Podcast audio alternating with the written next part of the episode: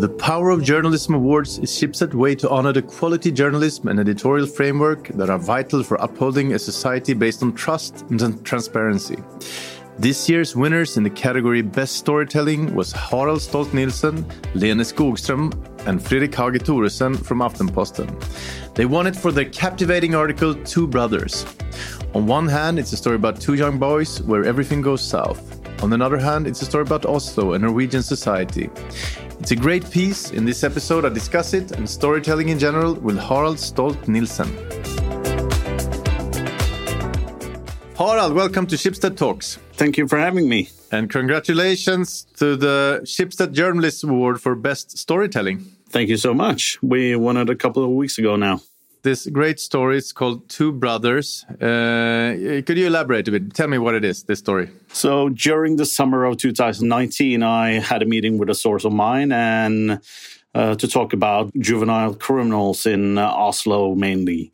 And during that meeting, uh, my source told me about these uh, two brothers that at that time were about uh, 14 and 15 years old and they had a lot of criminal cases registered on them, but uh, most of them happened before they were 15 and could be punished uh, by the police.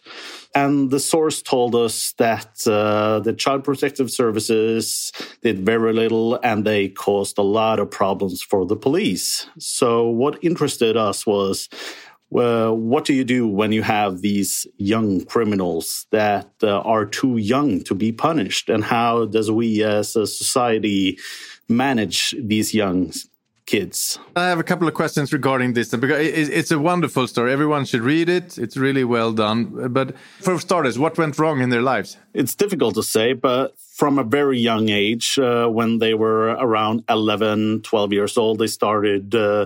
Doing crime. They started with uh, robbing other young kids. They moved from that uh, to doing more uh, serious crimes as uh, by dealing drugs, and they were after a while also involved in a couple of serious uh, violent offenses uh, with machetes and knives and stuff like this. But their parents separate. They're from Iraq, basically. Well, they they were born in Norway, or they were born in Norway. Both of the brothers uh, are born in Nor in Norway. Their parents came to Norway from Iraq uh, in the late 1990s uh, and settled here. So both the boys are born in Norway. They're separated, the parents, and, and the father left the family, it seems, in the article, right? Yes, their parents divorced when the boys were pretty young, uh, before they started uh, becoming criminals, uh, if that makes sense.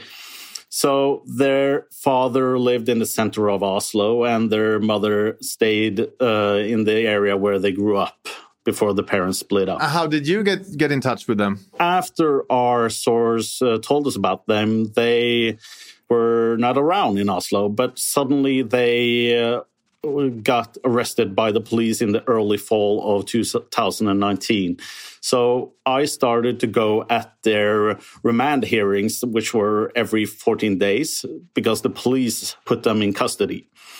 So I started during these uh, remand hearings. I started to talk to the boys, their parents, the lawyers, the child protective services, and started building trust from there. I told them that we wanted to write a story about them. We wanted to write a story that uh, wasn't just focused on them, but what went wrong, how society had failed them, and how other boys uh, in their situation also was uh, failed by society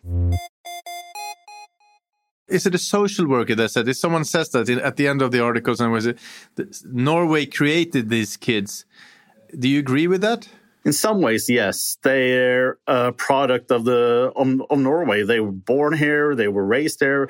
Of course their parents aren't they're not fully integrated, you can say. Their mother blames it all to racism all the times. Yeah, their mother is, uh, she blames a lot of things on racism, on the police, on the child protective services. She doesn't really take a lot of responsibility for what happened. I don't think uh, the police or the child protective services would agree with that, but uh, you can say that uh, in many many ways I agree with the social worker that we as a society have to help these kids when they end up in these kinds of situation and it went too far for them. So the brothers they're still pretty young and this puts a lot of even although you have made up names this still can put a lot of focus on them. Is this something that you discussed before before writing this article yeah, we had a lot of talks with our team, me, uh, Lena, and Tonya, who was our uh, uh, leader for this project. Uh, we talked a lot about the ethics of uh, how young they were and that we needed both them and their parents' consent in many ways. Uh, and also, when we interviewed one of the boys as well, who was in prison at the time, we had to have, uh, have the, the parents' written consent also to get into the prison to interview him. So we lost a lot of time on that. And we also put in some details in the articles that are not correct to hide their uh, identity. And we let the boys read the article before we published. They uh, had a couple of uh, things they wanted to change, and as did the lawyers uh, to hide their identity as well. And how did that work out? I mean, isn't the identity out there on the internet right now? Or of course, the people that know about these boys before the story published will recognize them in some way. So their uncle or their aunt or their cousin or the, their teacher or some the, the people that know these boys from a very young age will perhaps recognize them. The man in, on the street doesn't know about them. Then you made well. The man on the street doesn't know about them at, at all. How, how much time did you spend on this article? So I started working on this project uh, part time in the summer of 2019 when my source told me about them. Most weeks I worked on this story uh, as I worked with other stories as well during the fall and early winter of uh, 2019, but full time from January 2020 until publication in the late April of 2020. Me and Lena worked uh, full time on this. So, uh, I mean, as far as storytelling goes, then, because that's what, what you, the award you won. I mean, what was the process like? How, how, how did you resonate in like the tempo? Which angles should we take? Which voices, tone, how, which pictures? Tell me about it during the early phases of our research phase for this uh, story, we got a lot of child uh, services documents that we used for the story. So we early on we got these documents that told us a lot of the story about them. So we wanted to use that for instance. So we counted how many um, uh, messages of worry the police had sent the child protective services and stuff like that uh, to use that as in the storytelling process. But we also wanted to use chapters because there are so many parts in these boys' lives. Uh, so many, like you have the police, they have their angle. You have child protective services. You have the schools. You have fellow students and stuff like this that all in some way have made these boys or affected them in some way. So we wanted to use that as well. Uh, so we start our story. We wanted early on to start the story with uh, their childhood with uh, the first uh, when we have documentation from what happened with them, and then um, follow them uh, through the years up until the court uh, and the trial against them in the early 2020. What about the pictures then? We worked very closely with our photographer. We wanted to go to specific places uh, we wanted to go and photograph the places where these boys have been. We wanted to show the parts of Oslo where they have been, but also uh, some of the pictures we took were too. They identified the boys too much, so there was a lot of work that went into taking photographs that were that wouldn't identify them too much, uh, and there were a lot of uh, visual effects that we couldn't use because of that.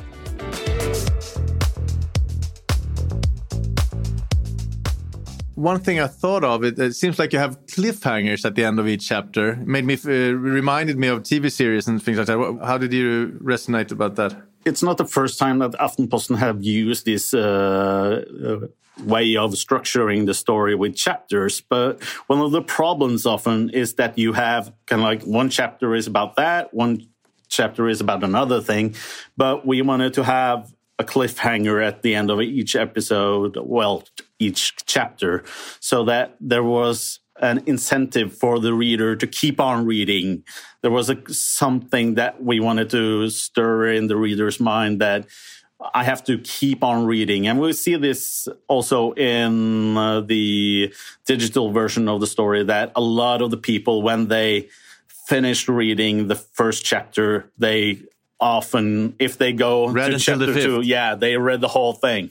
I read the whole article, of course, but I, I never read that long, uh, such a long time in Norwegian before. But it was great. uh, good practice. Good practice. So, uh, I mean, this is a luxury as a journalist to be able to spend this much time. Is this, is this a luxury that you have at Aftenposten to be able to work on one story for this long? Most of the times you don't have uh, this much time on every story but when you find a so strong so good story uh, the people here at aftenposten let you run with it. You get the time you need. They see that this is a story that needs to be told right and then you get the time that is needed to finish that story and, and tell it in the best possible way.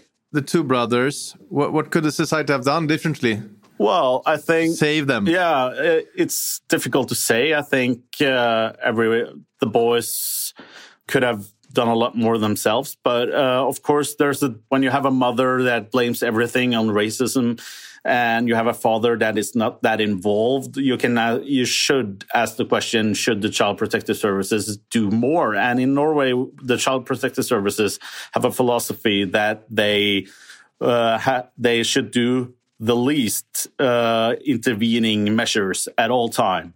So you can ask yourself, should they have done more in this case? Is it healthy for a boy to time and time and, and again do serious crime? If the answer is no, that is not for in the best interest for the child. Uh, you have to ask yourself, should you then take the child out of that environment? But I mean, they are taken out of that environment and they run away from it all the time. Yeah, sometimes, I mean... but they're not. and that's one of the problems as well. We uh, discovered during our uh, work on this story is that there are a lot of limitations to these uh, child institutions to keep the kids behind closed doors or uh, behind bars, if you if you would say it like that. But the child protective services in Norway are very restrictive in doing uh, intervening measures on young kids. So you can ask yourself if they should do that a lot more in these cases.